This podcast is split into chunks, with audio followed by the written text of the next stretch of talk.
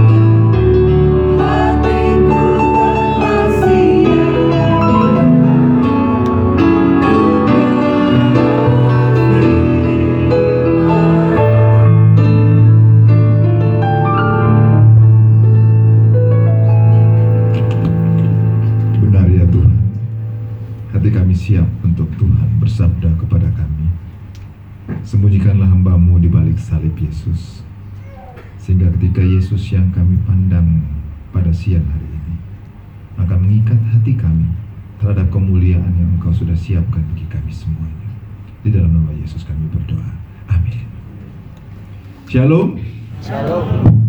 Suatu sahabat yang indah kita boleh bersama-sama kembali Walaupun kami tinggal di Bandung, kerja di Bandung, tapi ketika datang ke tempat ini merasakan suatu sukacita di mana kita boleh merasakan indahnya keluarga anak-anak Tuhan boleh bersama-sama.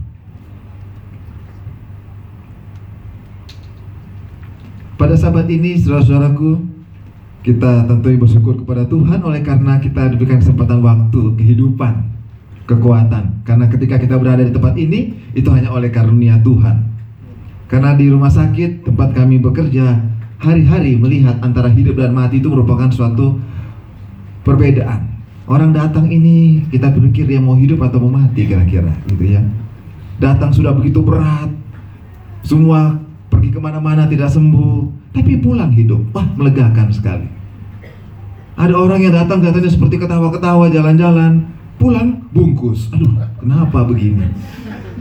Kehidupan manusia seperti eh, begitu saya. Hari demi hari kami menyaksikan hal ini terjadi. Semua usaha tenaga teknologi kedokteran diberikan. Tapi kadangkala kita tidak bisa menentukan apa yang Tuhan rencanakan. Oleh karena itu pada sahabat siang ini dalam waktunya sebenarnya sudah selesai khotbah ini sudah setengah 12 tapi cukup tidak apa-apa kita cukup punya waktu. Ah, sorry setengah satu. Ya sudah lewat sebenarnya. Tapi karena kita mulainya setengah sepuluh mungkin kita bisa ada mempunyai waktu untuk uh, mendengarkan duduk di kaki Tuhan. Karena Tuhan berkata ketika Maria dan Marta mereka sudah sibuk yang satu di belakang yang satu ada di kaki Yesus Yesus mengatakan Marta Marta Maria sudah melakukan bagian yang terbaik karena dia memilih untuk ada di kaki Yesus. Pada saat ini kita akan melihat apa sebenarnya rancangan Tuhan bagi saudara dan saya. Dikisahkan dalam satu kisah kalau kita baca buku dalam 1 Korintus 12 ayat 14 sampai 26 diceritakan di kisah ini terjadi diskusi antara organ tubuh manusia. Si mata ya di diskusi ini terjadi mulai dari mata. Mata dia bilang kepada anggota tubuh yang lain. Dia bicara sama organ yang lain. Eh, teman-teman, dari semua anggota tubuh kita, tubuh manusia ini, saya yang paling hebat. Oh, kenapa? Tanpa mata kalian semua tidak bisa apa-apa. Kalian nggak bisa bikin apa-apa. Masa? Lalu telinga dia mulai berbicara kepada mata. Eh, tunggu dulu, tah. Aku dong yang paling hebat. Tanpa telinga juga mata nggak bisa bikin apa-apa. Coba saja. Telinga mendengarkan musik yang enak-enak atau musik yang keras. Kalau saja saya tidak bisa menyaring itu suara keras. Coba suara suara keras di telinga kita. Au! Apa yang terjadi dengan mata? Tidak ada keindahannya. Mata tak tutu. Ah, telinga nggak mau kalah. Lalu si hidung dia dengar-dengar pembicaraan antara mata dan dan telinga ini dia bilang, oh no no no. Eh, tah, eh ngah. Siapa? Hidung yang paling penting. Oh masa? Mana cuma bikin-bikin banyak itu tai hidung keluar tiap hari. Ah, nada, bukan begitu. Hidung paling penting. Apa buktinya? Kalau kita tidak bekerja kita tak sumbat hidung, bagaimana bisa tuh bisa mata bisa cerah ceria? Coba saja, tidak bernapas, pilek misalnya. Oh, si tangan pun dia tidak mau kalah. Dia bilang eh, tunggu dulu dong. Sebentar dulu, jangan banyak bicara ngana. Dia ngana? Eh, itu hidung. Kalau ada ingos di sana, kau mau kasih keluar, kalau tidak ada tangan, nggak bisa keluar. Belepotan di mana-mana. Itu tangan bikin bersih. Mata juga, itu kasih keluar itu kotoran mata, tangan peguna. Itu telinga, kalau kasih keluar kotoran telinga itu kalau ada tangan, nggak ada tangan, nggak ada arti apa-apa mau tiga. Ah, si kaki dengar-dengar pembicaraan daripada eh, ini, eh, eh, ngan, eh kenapa?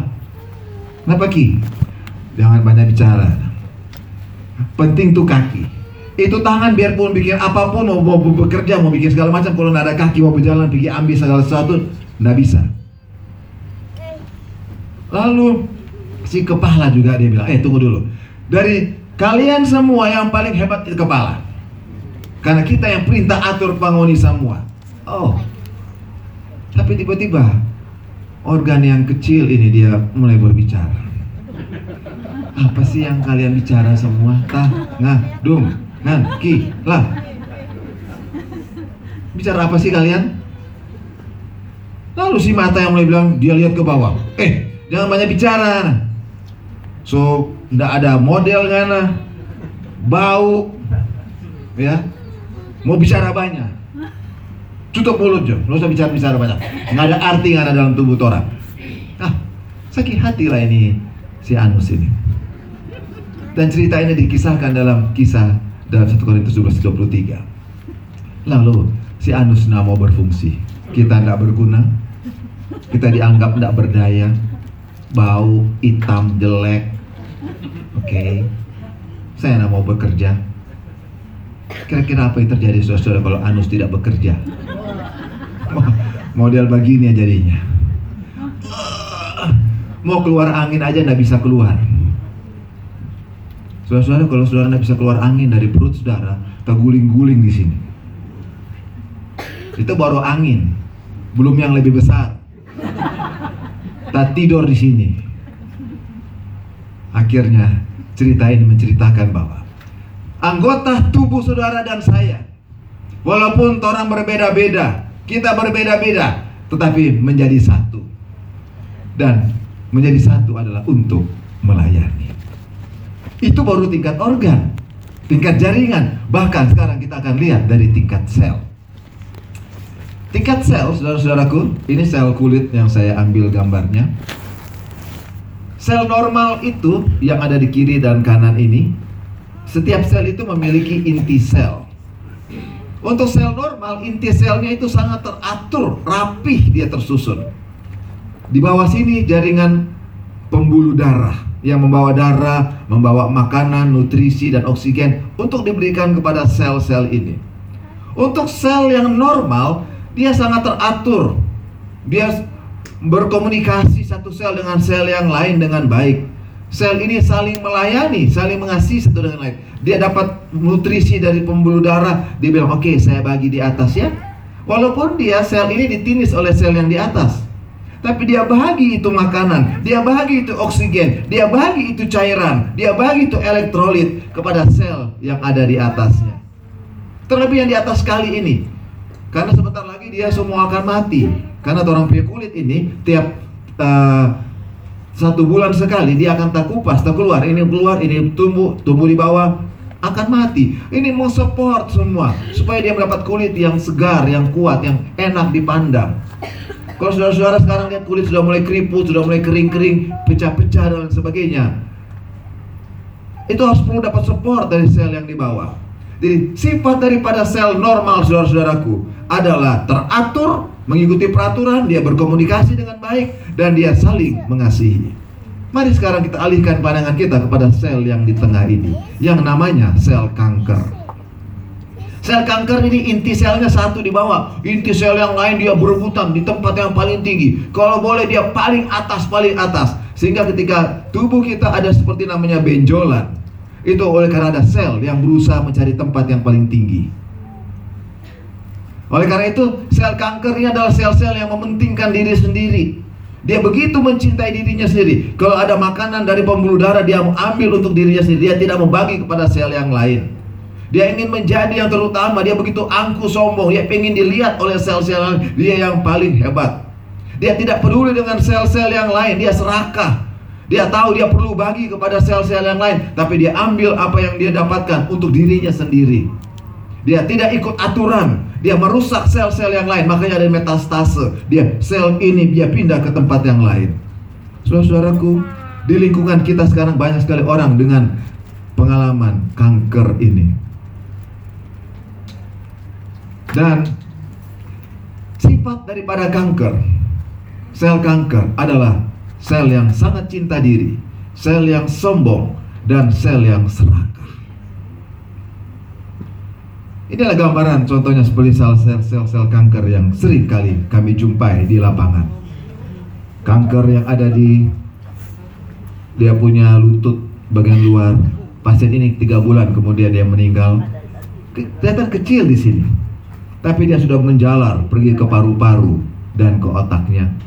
Kanker payudara, yang sudah seperti bunga kol, pasien ini bau sekali. Kalau masuk saja ke kamar pasien ini, waduh aroma baunya itu sangat luar biasa. Ini yang payudara yang sudah dibuang dan kanker jenis yang lain di kandungan wanita. Saudaraku, secara sel, ya, di dalam firman Tuhan dijelaskan 2 Timotius 2 ayat 17 perkataan mereka menjalar seperti penyakit kanker Kanker adalah penyakit yang dituliskan dalam firman Tuhan. Ketika Tuhan memberitahukan ilhamnya kepada Rasul Paulus dan menuliskan surat kepada seorang muda yang bernama Timotius. Dikatakan pernyataan mereka menjalar seperti penyakit kanker. Bicara mengenai perkataan saudara-saudaraku, sangat hati-hati kita kalau mau berkata-kata. Kenapa? Menurut kami, Para dokter, penyakit yang pertama terjadi ketika manusia jatuh dalam dosa adalah penyakit apa? Kanker. Apa buktinya? Orang bertanya, dokter, apa buktinya dokter Alvin bisa mengatakan bahwa kanker adalah penyakit pertama? Mari kita lihat ketika manusia pertama kita berdosa. Apa yang terjadi saudara-saudaraku? Ada diskusi pembicaraan yang terjadi antara manusia dan ular setan itu. Setan bilang kepada Hawa, "Bukankah Allah berfirman, semua pohon dalam taman ini jangan kamu makan buahnya, bukan?" Dalam Kejadian pasal 3. Apa betul perkataan setan? Tapi dia bikin suatu kalimat per pertanyaan yang membuat pikiran Hawa jadi ragu jadi ragu-ragu. Eh, bukan begitu. Bukan begitu setan. Allah berfirman kepada kami dalam kejadian pasal 2, semua pohon boleh kami makan buahnya dengan bebas, kecuali pohon pengetahuan baik dan jahat. Lalu Hawa, dengan hebatnya, dia tambah. Kalau saudara baca kejadian pasal 2, Allah hanya katakan jangan makan. Tetapi di dalam kejadian 3, Hawa berkata kepada setan, Bukan cuma makan saudara, apa dia bilang? Dan raba pun kami mati. Wah, luar biasa. Hawa tambah itu kata-kata. Tuhan tidak bilang raba. Hawa tambah raba. Maksud Hawa baik. Memberi apa namanya keterangan yang lebih jelas. Membela siapa sepertinya? Tuhan. Membela Tuhan. Eh setan. Dia Tuhan bilang jangan makan. Sekarang kita tambah di jangan raba nggak bikin macam-macam kan gitu kan tetapi saudara-saudara lihat ketika dia tambah inilah sifat-sifat daripada mulai pengalaman Saudara hati-hati dengan kata-kata kita. Perkataan mereka, kata-kata Hawa kepada ular itu, cikal bakal dari penyakit kanker yang terjadi. Nanti kita akan pelajari. Sore nanti lebih jelas kita akan secara ilmiah akan bahas Dr. Grace dan saya tentang istirahat dan kanker. Kenapa saya mau bahas ini di Timoto Pondok Indah? Karena ada banyak umat Allah yang mengaku dirinya mengikut Yesus bahkan dengan nama menantikan Yesus datang kedua kali. Menderita penyakit ini. Saudara saya kalau diperiksa ada kanker sekarang. Tidak ada manusia yang jatuh dalam dosa yang tidak ada kanker. Ada. Hanya kapan dia muncul dalam bentuk manifestasi yang lebih besar dan klinisnya terjadi. Kita tidak tahu. Tapi saudara dan saya, saya bisa pastikan kita ada sel kanker. Oleh karena itu saya rindu mau bahas ini kepada kita. Bagaimana caranya nanti? Apa rencana Tuhan bagi kita untuk bisa mengatasi itu? Tinggal tunggu waktu aja kita. Saya dengar kabar nanti, oh ini ada benjolan sih. Oh ada.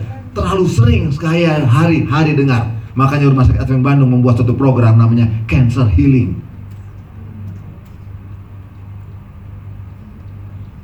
Dan saudara-saudaraku, mari kita lihat selanjutnya.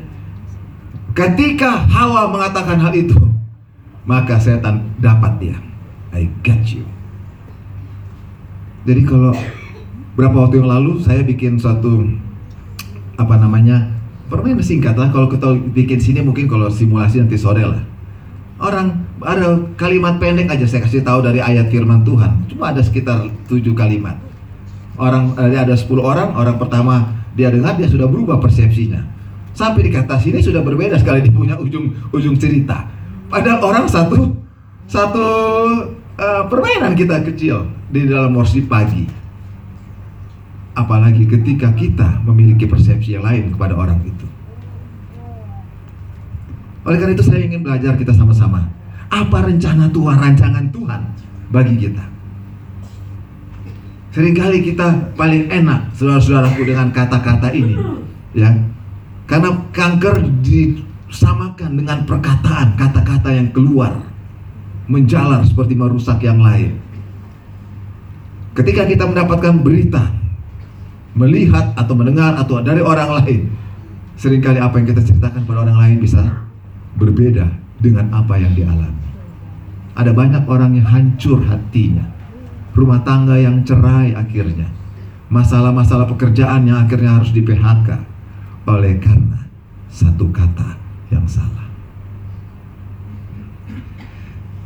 Ketika ini terjadi, kenapa dikatakan perkataan itu berhubungan dengan penyakit kanker?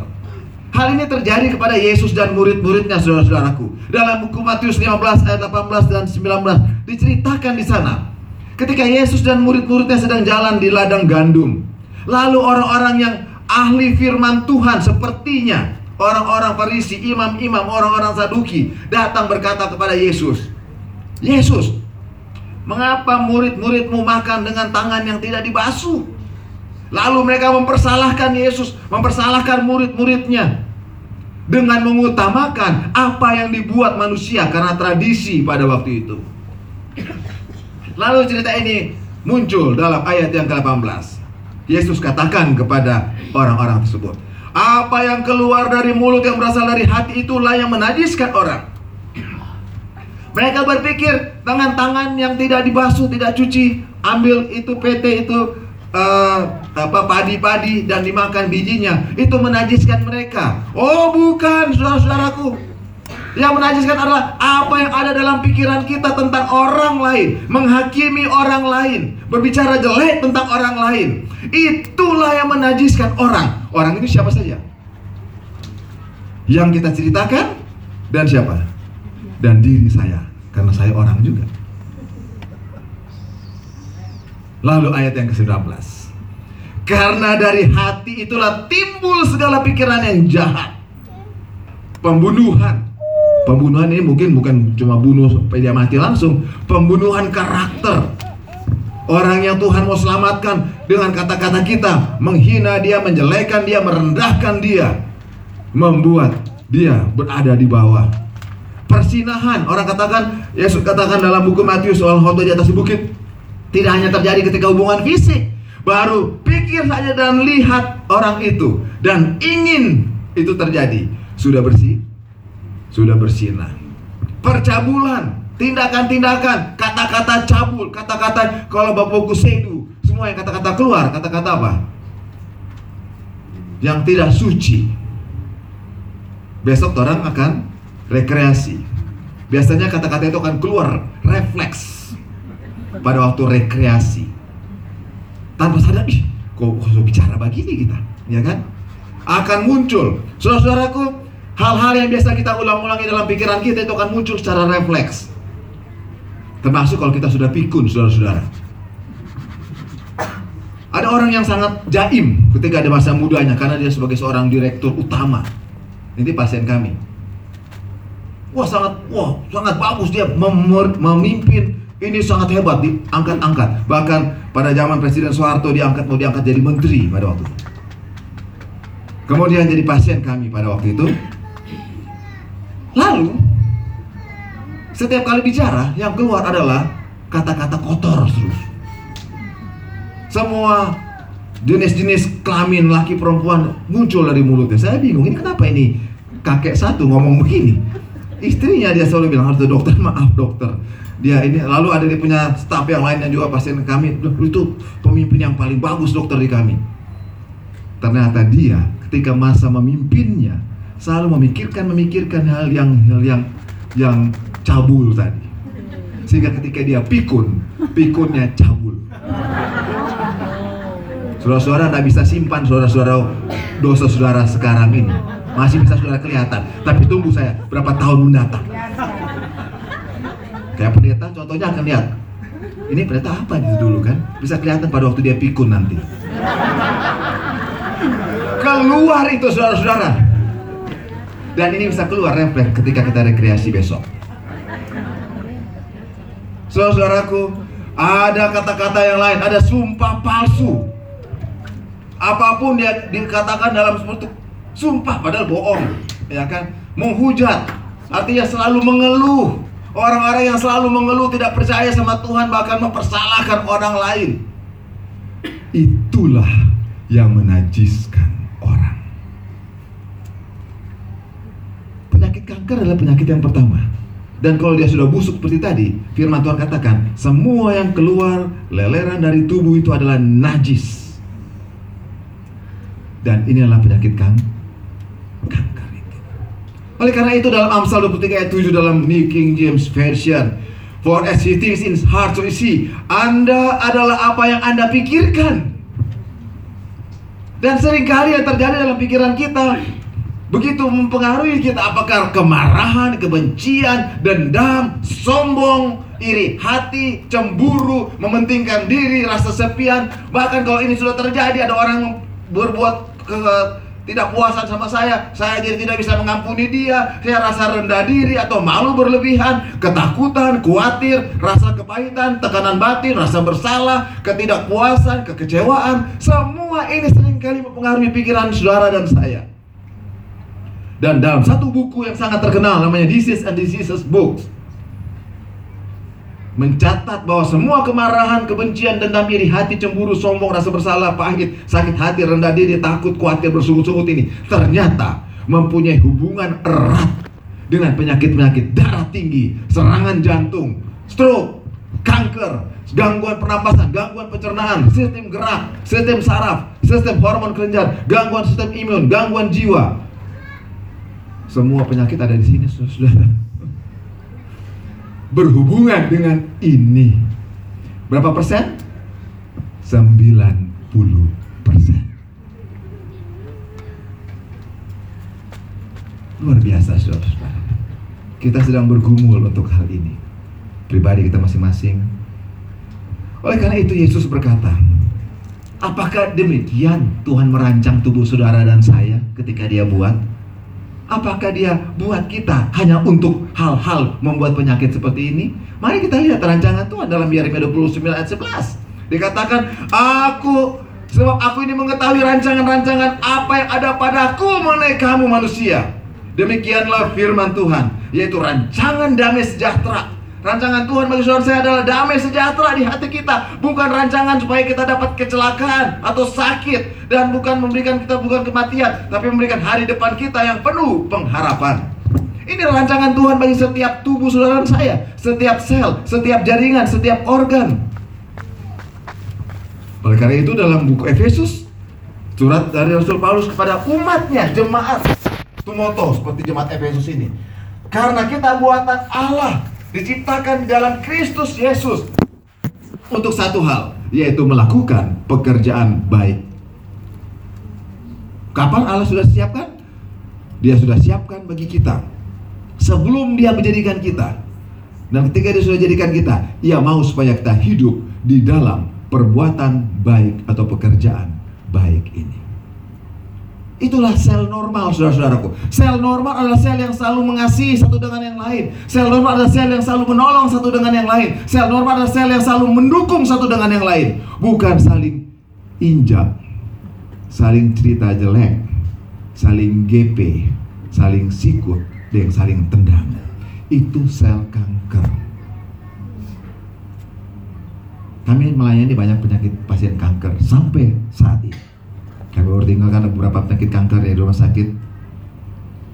Ketika penyakit-penyakit kanker ini muncul saudara-saudaraku, diawali dengan tabiat kanker.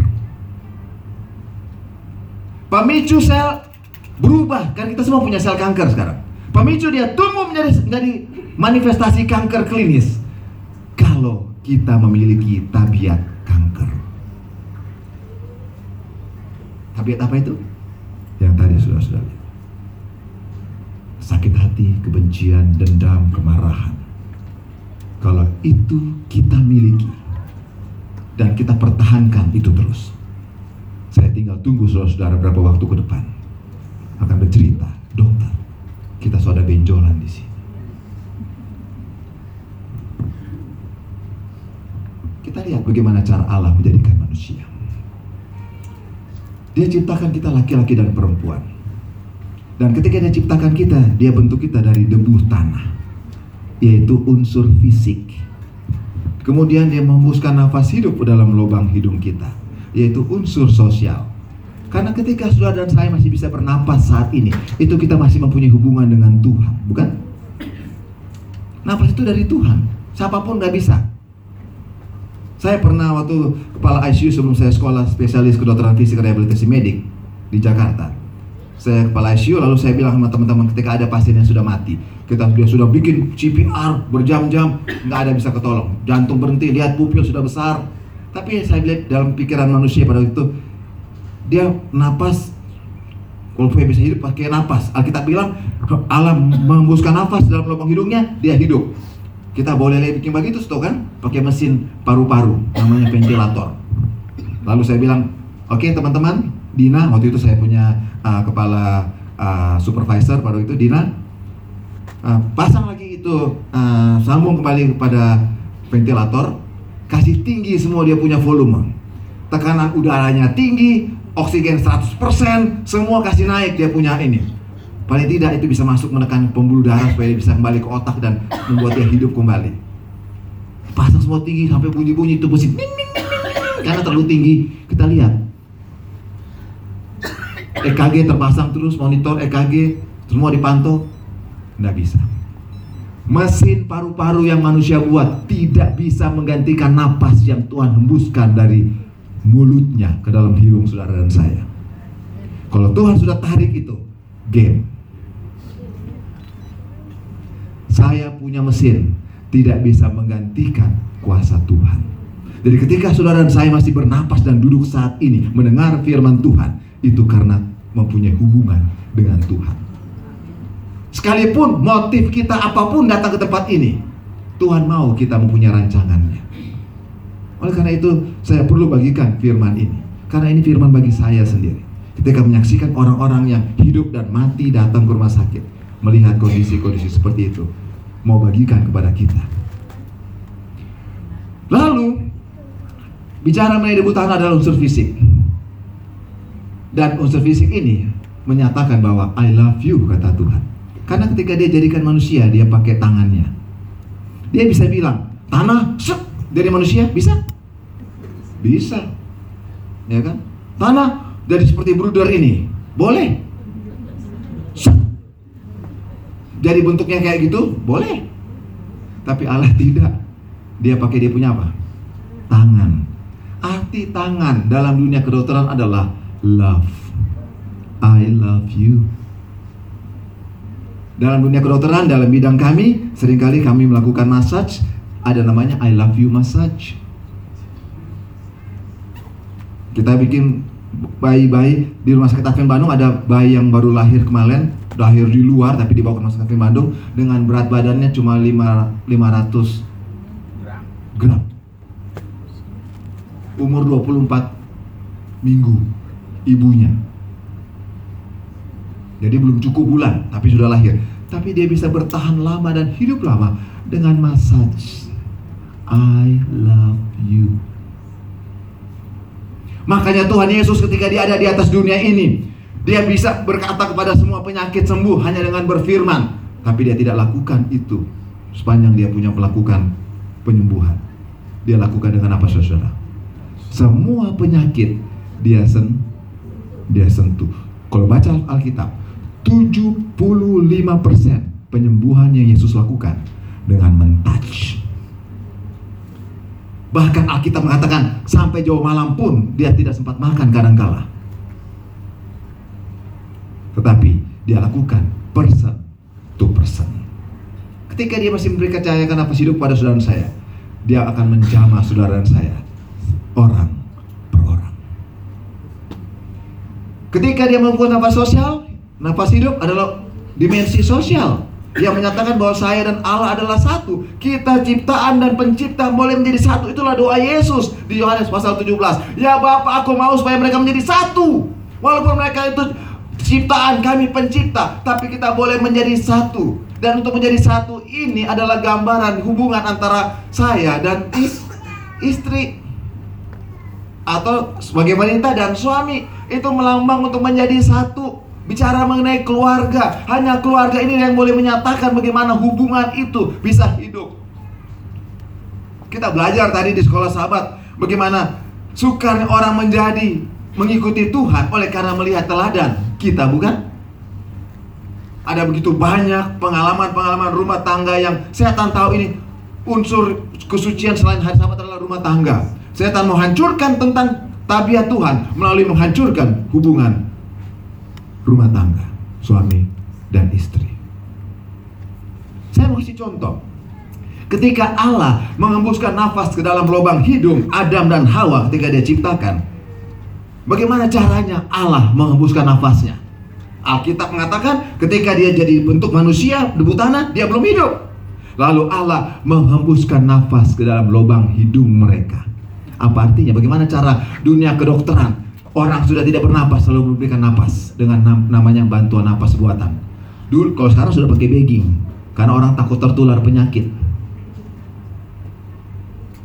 Karena saya pernah alami suatu pengalaman yang mungkin tidak menyenangkan saya secara pribadi tapi itu yang saya alami Ketika saya di Fatmawati, karena Fatmawati ada namanya uh, bangsal untuk spinal cord injury orang-orang dengan dengan kecelakaan lumpuh seluruh badan atau setengah badan atau satu organ tertentu. Tapi karena dia lumpuh ada banyak organ yang bisa terganggu termasuk jantung, paru-paru. Karena dirawat sudah dirawat dari kronisnya masalah yang lain, sekarang dirawat untuk maintenance, dirawat di uh, bangsal rehab medik. Kemudian saya jaga pada waktu itu. Kemudian saya dikasih tahu di lapor, dokter ada pasien apnu, artinya tidak bernapas, henti napas. Saya lompat dari satu uh, kamar sana, saya lari ke tempat itu, siapkan alat-alat untuk CPR. Sementara CPR, bagging masih diambil, belum datang baggingnya, saya tolong karena tiap kali hentakan sekian kali mesti berikan na napas. Tekan, tekan, tekan, tekan, tidak ada cara yang lain, saya harus dekatkan mulut saya dengan pakaian tipis ini ke mulut pasien itu. Ketika saya pom saya saya ada orang yang lagi yang siapkan uh, perawat yang lain siapkan untuk pompa. Sementara saya tiup dia pompa. Saudara-saudara kira-kira bagaimana ketika saya tiup dia pompa? Keluar itu asam lambung dari pasien itu. Masuk ke mulut saya. Berasa asam lambung orang lain ke mulut saya. Saya sampai sekarang masih bisa masih memori saya masih kesimpan rasa tidak nyaman di mulut saya itu ketelan sedikit karena ketelan sedikit itu uh, muntahan daripada lambung daripada ini. Saya mau kasih tahu bahwa ketika memberikan bantuan napas ketika ada cara seperti itu mulut saya dengan mulut pasien itu harus apa?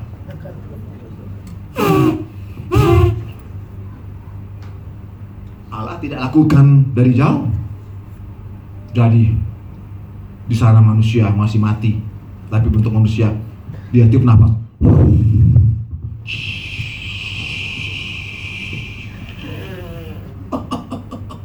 Enggak, saudara-saudara. Allah melakukannya dengan cara menempel. Kapan artinya kita boleh menempel bibir dengan bibir jadi satu? Secara Alkitabiah diperbolehkan ketika kita menikah. Bahkan ketika pastor memberkati, kalau nama boku bokusun, cepat bokusun, cepat jangan lama. Kita pernah lihat ada pendeta kong, ini malu-malu itu pengantin kong pendeta tola itu satu cepat kasih kasih bokusun jo. Ya, Om Adri pernah lihat gitu kan kita pernah ih kayak itu pendeta tola karena malu-malu mau buka seloyer ke musun. Ketika mereka sudah bokusun, apa artinya saudara? Dua menjadi satu. Pendeta akan katakan, mereka dua, tadinya dua menjadi satu. Artinya ketika Allah menghubungkan nafas hidup kepada lubang hidung saudara dan saya, kita dengan Allah yang tadi berbeda menjadi satu. Saudara yakin sekarang ketika kita bernapas langsung berpikir saya satu dengan Tuhan? Itu harus jadi perhatian kita, saudara. Seringkali orang bernapas pikir itu bernapas orang punya hak orang secara gratis. Oh nyata satu kali dia tewas. Tante Jenny sudah kasih kesaksian Rabu malam lalu dan Tante Doli ya kan? Datang mau pergi ke Amerika lalu tutup pesawat so begini. Doa mereka berbeda. Tante Doli bilang doa Tuhan. Kalau Tuhan masih perkenankan kita hidup kita mau melayani Tuhan kan? Tante Doli bicara gitu kan Tante Jenny bilang doanya lain lagi.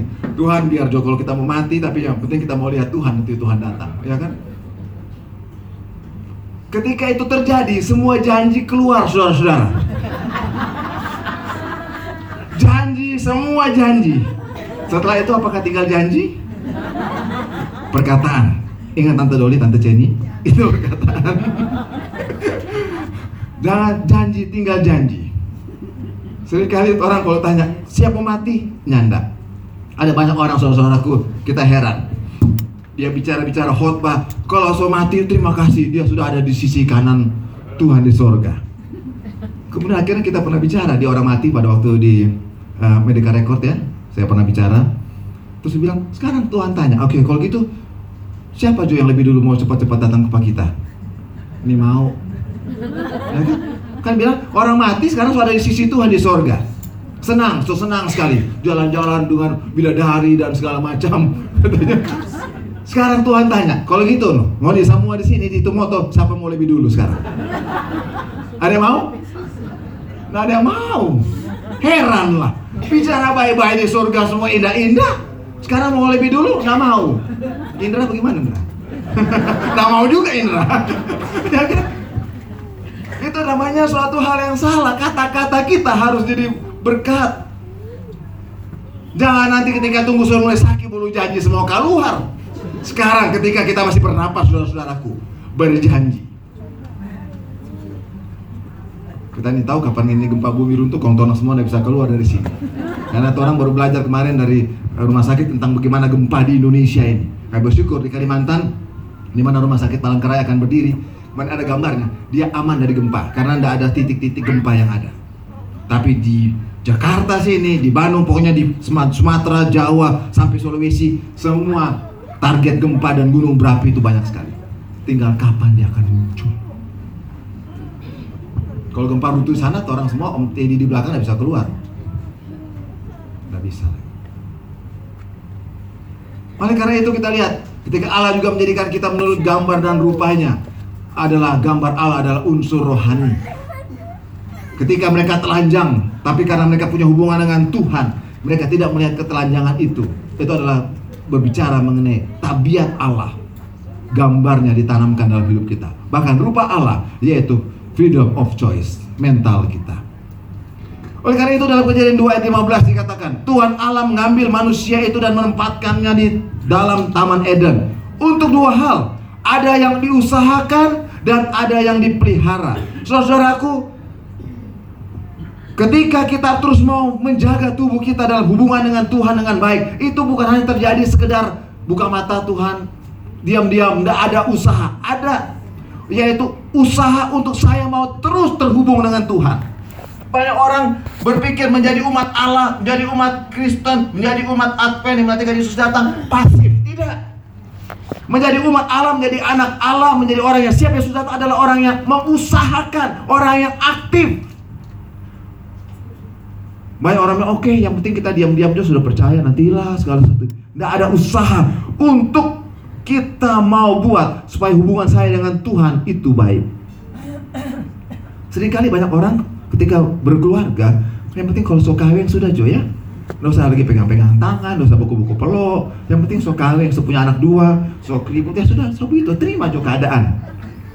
Ya, Debo sok ketawa di sana. Apakah Pak Michael pegang-pegang tangan atau nyana kita tidak mau li, tidak tahu tapi artinya jadi pengalaman orang semua. Tidak ada usaha yang mau dibuat. Masihkah ingat kita waktu orang pacaran dulu? Semua usaha orang buat kertasnya putih bisa jadi warna merah muda ya kan yang apa yang jelek hitam pun boleh bikin jadi bagaimana. Ada usaha untuk supaya menarik dia punya kasih sayang. Orang sok kaweng bagaimana lu di ada orang sok kaweng kita lihat. Sok kaweng si suami jalan di muka si istri jalan di belakang. Malah pakai alasan. Iya, orang punya budaya begitu. Budaya apa? Dulu waktu pacaran enggak pakai pakai budaya dah. Ya kan? Baku kele, baku polo, baku sun. Sekarang so nyanda. Budaya apa yang kalau gitu dipertahankan? Ya kan? Saudara-saudaraku, Allah mau kita usahakan bagaimana kita harus jaga rumah tangga kita. Bahkan kalau sudah kita usahakan, kita harus pelihara. Ada banyak pertentangan di antara suami dan istri. Tapi kalau kita mau belajar dari Tuhan, bagaimana Dia menciptakan tubuh kita, kita akan mengerti. Kalau saya melanggar itu, itu pencetus penyakit kanker. Pencetus penyakit kanker. Oleh karena itu Tuhan katakan dalam Markus ayat inti kita bahwa ketika dia sudah jadikan kita ada hukum terutama dan tidak ada hukum yang lain yang bisa menentang hal itu. Tidak ada hukum kedokteran pun, hukum apa pun itu, KUHP pun tidak bisa menentang hukum ini yaitu mengasihi hukum kasih kepada Allah dan kasih kepada sesama manusia. Bagaimana kasih kepada Allah? Ada empat dimensi. Kasih kepada Allah dengan segenap hatimu itu dimensi rohani. Dengan segenap jiwamu dimensi sosial. Dengan akal budimu dimensi mental. Dengan kekuatanmu dimensi fisik. Inilah unsur manusia semuanya Yang tadi kita Allah ciptakan saudara dan saya. Ada fisik, mental, rohani, dan sosial. Bila mana kita sudah lakukan hal ini Maka kita akan mampu mengasihi sesama manusia Seperti diri kita sendiri. Kalau tidak Yang kedua ini tidak mungkin akan terjadi kalau kita tidak memiliki empat, empat dimensi ini kita dengan Tuhan. Oleh karena itu dalam dua oh, silakan mau difoto. Di dalam 2 Timotius 3 ayat 17 nanti dikatakan, dengan demikian tiap-tiap manusia kepunyaan Allah diperlengkapi oleh Tuhan melalui hukum tadi. Kita sudah dilengkapi oleh Tuhan yang ditanamkan ke dalam mental kita yaitu untuk perbuatan baik untuk menolong. Ada seorang yang bernama Tuan Niels Dale Shield di Amerika Serikat. Dia menderita penyakit jantung dan tujuh kali mengalami operasi jantung. Saudaraku, operasi jantung ini nggak nggak mudah saudara mau buka itu itu jantung di sini itu harus gergaji tulang iga ini ada 12 iga saudara ada tulang sternum mau buka itu gergaji itu dokter kalau di kamar bedah kayak tukang terus tarik kok itu jantung kelihatan tuh merah-merah. Terus diambil copotin lagi ganti pakai jantung paru uh, jantung mesin diambil pembuluh darah. Potong dari kaki ambil pembuluh darah dari kaki masukin pembuluh darah di jantung. Ini tujuh kali alami saudara. Gak, gak tujuh kali. Dan itu kalau sembuh apa maksudnya kalau habis operasi dia balik ke ruangan suruh latihan napas kan nggak mungkin orang hidup tanpa napas. Mau tarik napas begini sakit. Jadi napasnya sedikit-sedikit ada pasien saya waktu kami latih bagaimana habis pos operasi jantung karena yang di sebelah kiri dia takut napas dia tutup hidung sebelah gini. Supaya napas dari hidung sebelah pikir masuk ke paru-paru kanan. Nggak mungkin lah nggak ada hidung kiri paru kanan hidung kiri paru kiri. Dia tuh salah pak Bapak masa napas begitu eh, habis ini kan ini jadi satu Nggak ada tuh lubang hidung kanan ke paru-paru kanan, hidung kiri paru-paru kiri. Jadi kadang-kadang kita saya ketawa-ketawa sama pasien seperti begini. Tapi dia mau bernapas tuh sakit. Mesti tahan baik-baik. Jadi mesti napas pakai perut. Siksa. Tapi Tuhan dia lihat ini dia putus asa. Dokter bilang pada tujuh kali operasi dia bilang sekarang sudah boleh pulang. Nanti dilihat ini tiga bulan depan akan kontrol lagi. Tapi akan rutin kami akan follow up dari tempat rumah sakit ke rumah. Tapi Tiga bulan kemudian akan datang kontrol. Dia pulang rumah, dia putus asa, dia bilang tidak, saya lebih baik mati saja. Saya tidak mau dioperasi lagi untuk ke kali. Kira enak gitu. Biar asuransi yang bayar juga, saya tidak mau operasi. Mati, dia putus asa. Dia tidur rumahnya tidak jauh dari uh, di Florida situ, ada satu danau. Dia belakang rumahnya lihat-lihat ke atas. Tuhan, biar saja saya mati. Lalu tidak jauh dari rumah mereka itu ada landasan helikopter. Terus pada waktu itu musim burung pelikan. Satu waktu lagi tidur tiba-tiba jatuh. Apa yang timpa muka saya? Ada burung pelikan yang jatuh, luka-luka. Rupanya ketika helikopter mau terbang, burung-burung dengar suara helikopter, dia terbang juga. Tengah terbang dia kena dia punya baling, baling-baling, terlempar. Jatuhlah persis di tempat Tuan Del ini lagi tidur-tiduran. Dia lihat, ih masih hidup ini burung pelikan. Dia ambil tuh burung, dia bawa ke rumah, dia ambil pengobatan-pengobatan emergensi yang ada di rumah untuk merawat ini burung. Dan hari demi hari dia rawat ini burung pelikan di Florida. Akhirnya sibuk hidupnya hari demi hari. Lalu sang istri marah-marah di rumah. Papa, papa kan ada sakit jantung pos operasi tidak boleh dekat-dekat burung-burung ini. Nanti bapak kena penyakit karena kuman-kuman banyak di sana. Wah dia tidak peduli dengan istrinya. Dia ingat ayat Alkitab lebih baik tinggal di suatu rumah daripada tidur dengan istri yang banyak bicara seperti begini.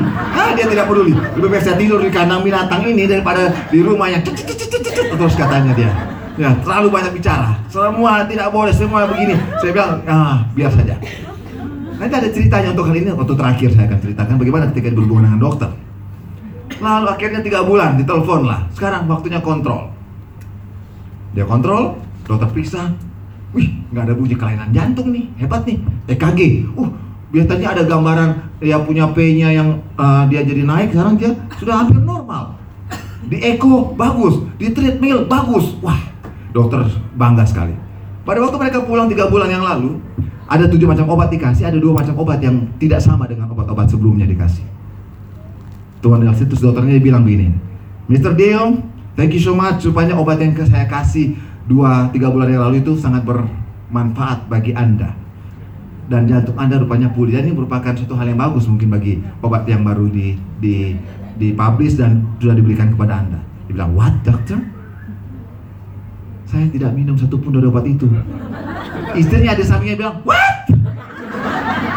Papa nggak minum. Hari-hari mama kasih Iya mama kasih Tapi papa ambil, papa pergi ke WC, papa buang mama Kenapa begitu? Papa bilang, papa lebih baik mati saja Eh itu tuh, studi dokter langsung melerai perselisihan antara suami dan istri yang satu suara tinggi, satu suara ini. Eh, wait a minute, wait a minute, wait a minute. Kenapa, dokter? Saya tertarik. Kan dokter, kalau dokter San itu dia sangat fair. Dia, oh I'm sorry, saya tadi begitu begitu apa namanya bangga. Saya pikir obat yang saya kasih membuat anda minta nggak minum obat-obat ini. Kira-kira apa yang terjadi selama tiga bulan ini? Dokter, istrinya biasanya kan laki-laki lebih lambat, bicara. Istrinya duluan. Dokter, dia ini urus-urus burung terus dari hari ke hari. Oh, burung apa? Pelikan. Oh, dokternya positif dia ketika dia berbicara begitu akhirnya dia bicara saya urus ini saya begini saya melupakan saya punya diri sendiri saya melupakan saya punya pendeta tadinya saya pikir-pikir saya lebih baik mati saya pikir-pikir istri saya kekatannya tangan tajam dia begini lebih baik saya tinggal di suatu rumah dan semuanya itu yang dia pikir-pikir segala sesuatu akhirnya dia bilang oke okay, ternyata proses tiga bulan ketika dia menolong si burung pelikan ini membuat dia pulih. Lalu diadakanlah penelitian besar di Amerika. Sehingga Tuan Dale Seals dikatakan kalau kita baca dia punya sejarah menjadi disebut dengan manusia pelikan. Oh, saya mesti turun karena ini sudah habis. Kemudian Dr. Dean Ornish. Dia seorang spesialis lifestyle medicine. Dia juga memberikan resep tambahan kepada pasiennya untuk berbuat baik kepada pasien yang lain. Ketika ada orang datang, apa yang saya perbuat? Pergi menolong orang lain. Bukan cuma itu, Abraham Lincoln, Presiden Amerika Serikat yang ke-16, dia berkata dengan menghilangkan beban penderitaan orang lain, seseorang telah menghilangkan penderitaannya sendiri. Jadi dia tidak memikirkan dirinya sendiri. Dr. Hans Selye, bapak stres dunia, dia berkata bahwa menolong orang lain akan membagikan rasa syukur dari pihak yang ditolong. Bukan cuma itu, bahkan memberikan rasa puas dan bahagia pada pihak yang memberikan pertolongan sehingga akan membantu mereka terhadap stres. Pada 90% orang datang ke rumah sakit oleh karena berhubungan dengan stres. Seorang dokter ahli sampai sekarang masih dipakai buku-bukunya yaitu Dr. Carl Menninger dia ahli jiwa terkenal di dunia ketika dia sedang memberikan kuliah seperti ini kemudian seorang mahasiswa bertanya Profesor apa yang harus kami berikan obat apa yang harus kami lakukan atau saran apa yang harus dilakukan kepada orang-orang yang mengalami depresi dokter Kahn mendengar katakan panggil pasien itu. Suruh dia keluar dari rumah. Pergi ke tempat-tempat yang kumuh. Cari orang-orang yang boleh ditolong. Lakukanlah sesuatu untuk menolongnya. Firman Tuhan melalui hamba Tuhan kepada Nyonya White melakukan kebaikan adalah suatu pekerjaan yang bermanfaat bagi pemberi maupun yang menerima. Karena kepuasan akan kita dapatkan melalui melakukan kebaikan yang akan menjadi penyembuhan yang besar saudara-saudaraku. Lebih daripada apa yang kita bisa bayangkan dan kebahagiaan dalam melakukan perbuatan baik ini akan menghidupkan pikiran kita bahkan menguatkan seluruh tubuh kita.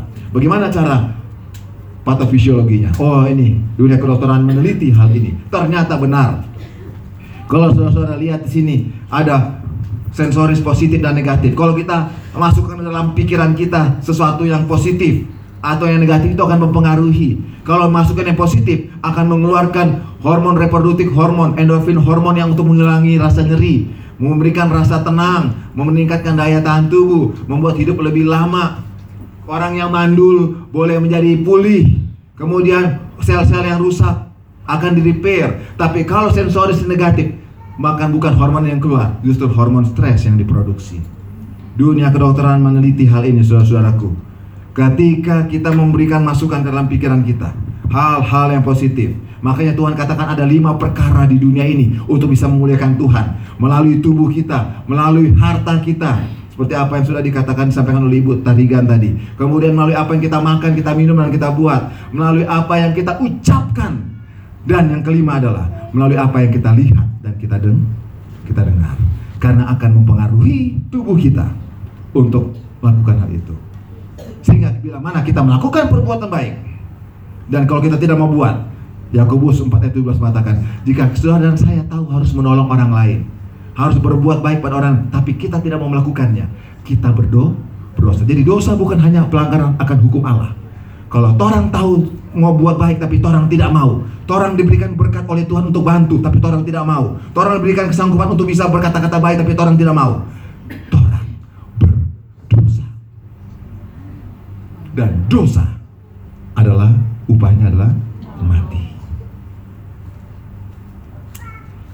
Kita sudah lihat Roma 6 ayat 25, 23. Oleh karena itu dalam 1 Timotius yang mengatakan tadi bahwa perkataan mereka menjalan seperti penyakit kanker. Diingatkan lagi, peringatkan umat-umatku di Tumoto Pondok Indah, bahkan tamu-tamu yang ada saat ini untuk berbuat baik menjadi kaya dalam kebajikan, suka memberi dan membagi. Karena itu akan membuat kita mencapai hidup yang sebenarnya.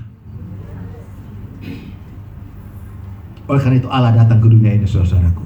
Dia mau menyatakan bagaimana untuk hidup sebenarnya melalui kehidupan Yesus. Dan ajakan pada siang hari ini. Ibrani 13. Mari kita. Yang oleh Yesus yang sudah datang menunjukkan kebaikannya itu. Dengan bibir yang selalu memuliakan Allah tadi. Jangan lupa untuk berbuat baik dan memberi bantuan. Dan ini dia akan tanya kepada kita. Ketika dia datang pada kali yang kedua, saudara-saudaraku. Kelompok yang baik dan jahat akan mendapatkan pertanyaan yang sama, bukan? Matius 25. Kelompok domba dia akan tanya dan kelompok kambing. Domba yang masuk surga dan kambing yang tidak masuk surga. Pertanyaan sama. Ketika aku lapar, ketika aku haus, ketika aku telanjang, ketika aku tidak punya rumah, ketika aku sakit, ketika aku dalam penjara, apakah kamu sudah melakukannya untuk aku? Kapan? Siapa? Lakukan itu bukan bagiku yang secara nyata fisik, tapi bagi saudara-saudaraku yang paling hina yang sedang membutuhkan itu. Pertanyaan kita adalah, siapa orang yang sering kita anggap paling hina? Peminta-minta di jalan? Bukan. Dia jarang kita hina-hina. Pernah kita hina-hina orang-orang minta-minta? Enggak. Paling kita bilang, aduh kasihan yang miskin. Tapi siapa yang paling kita sering hina? Orang yang tidak kita sukai orang yang menyakiti kita, orang yang tidak memenuhi kita punya keinginan. Orang itu sering kata-kata kita menghina dia. Lakukan lagi dia. Maka penyakit kanker kita akan diatasi.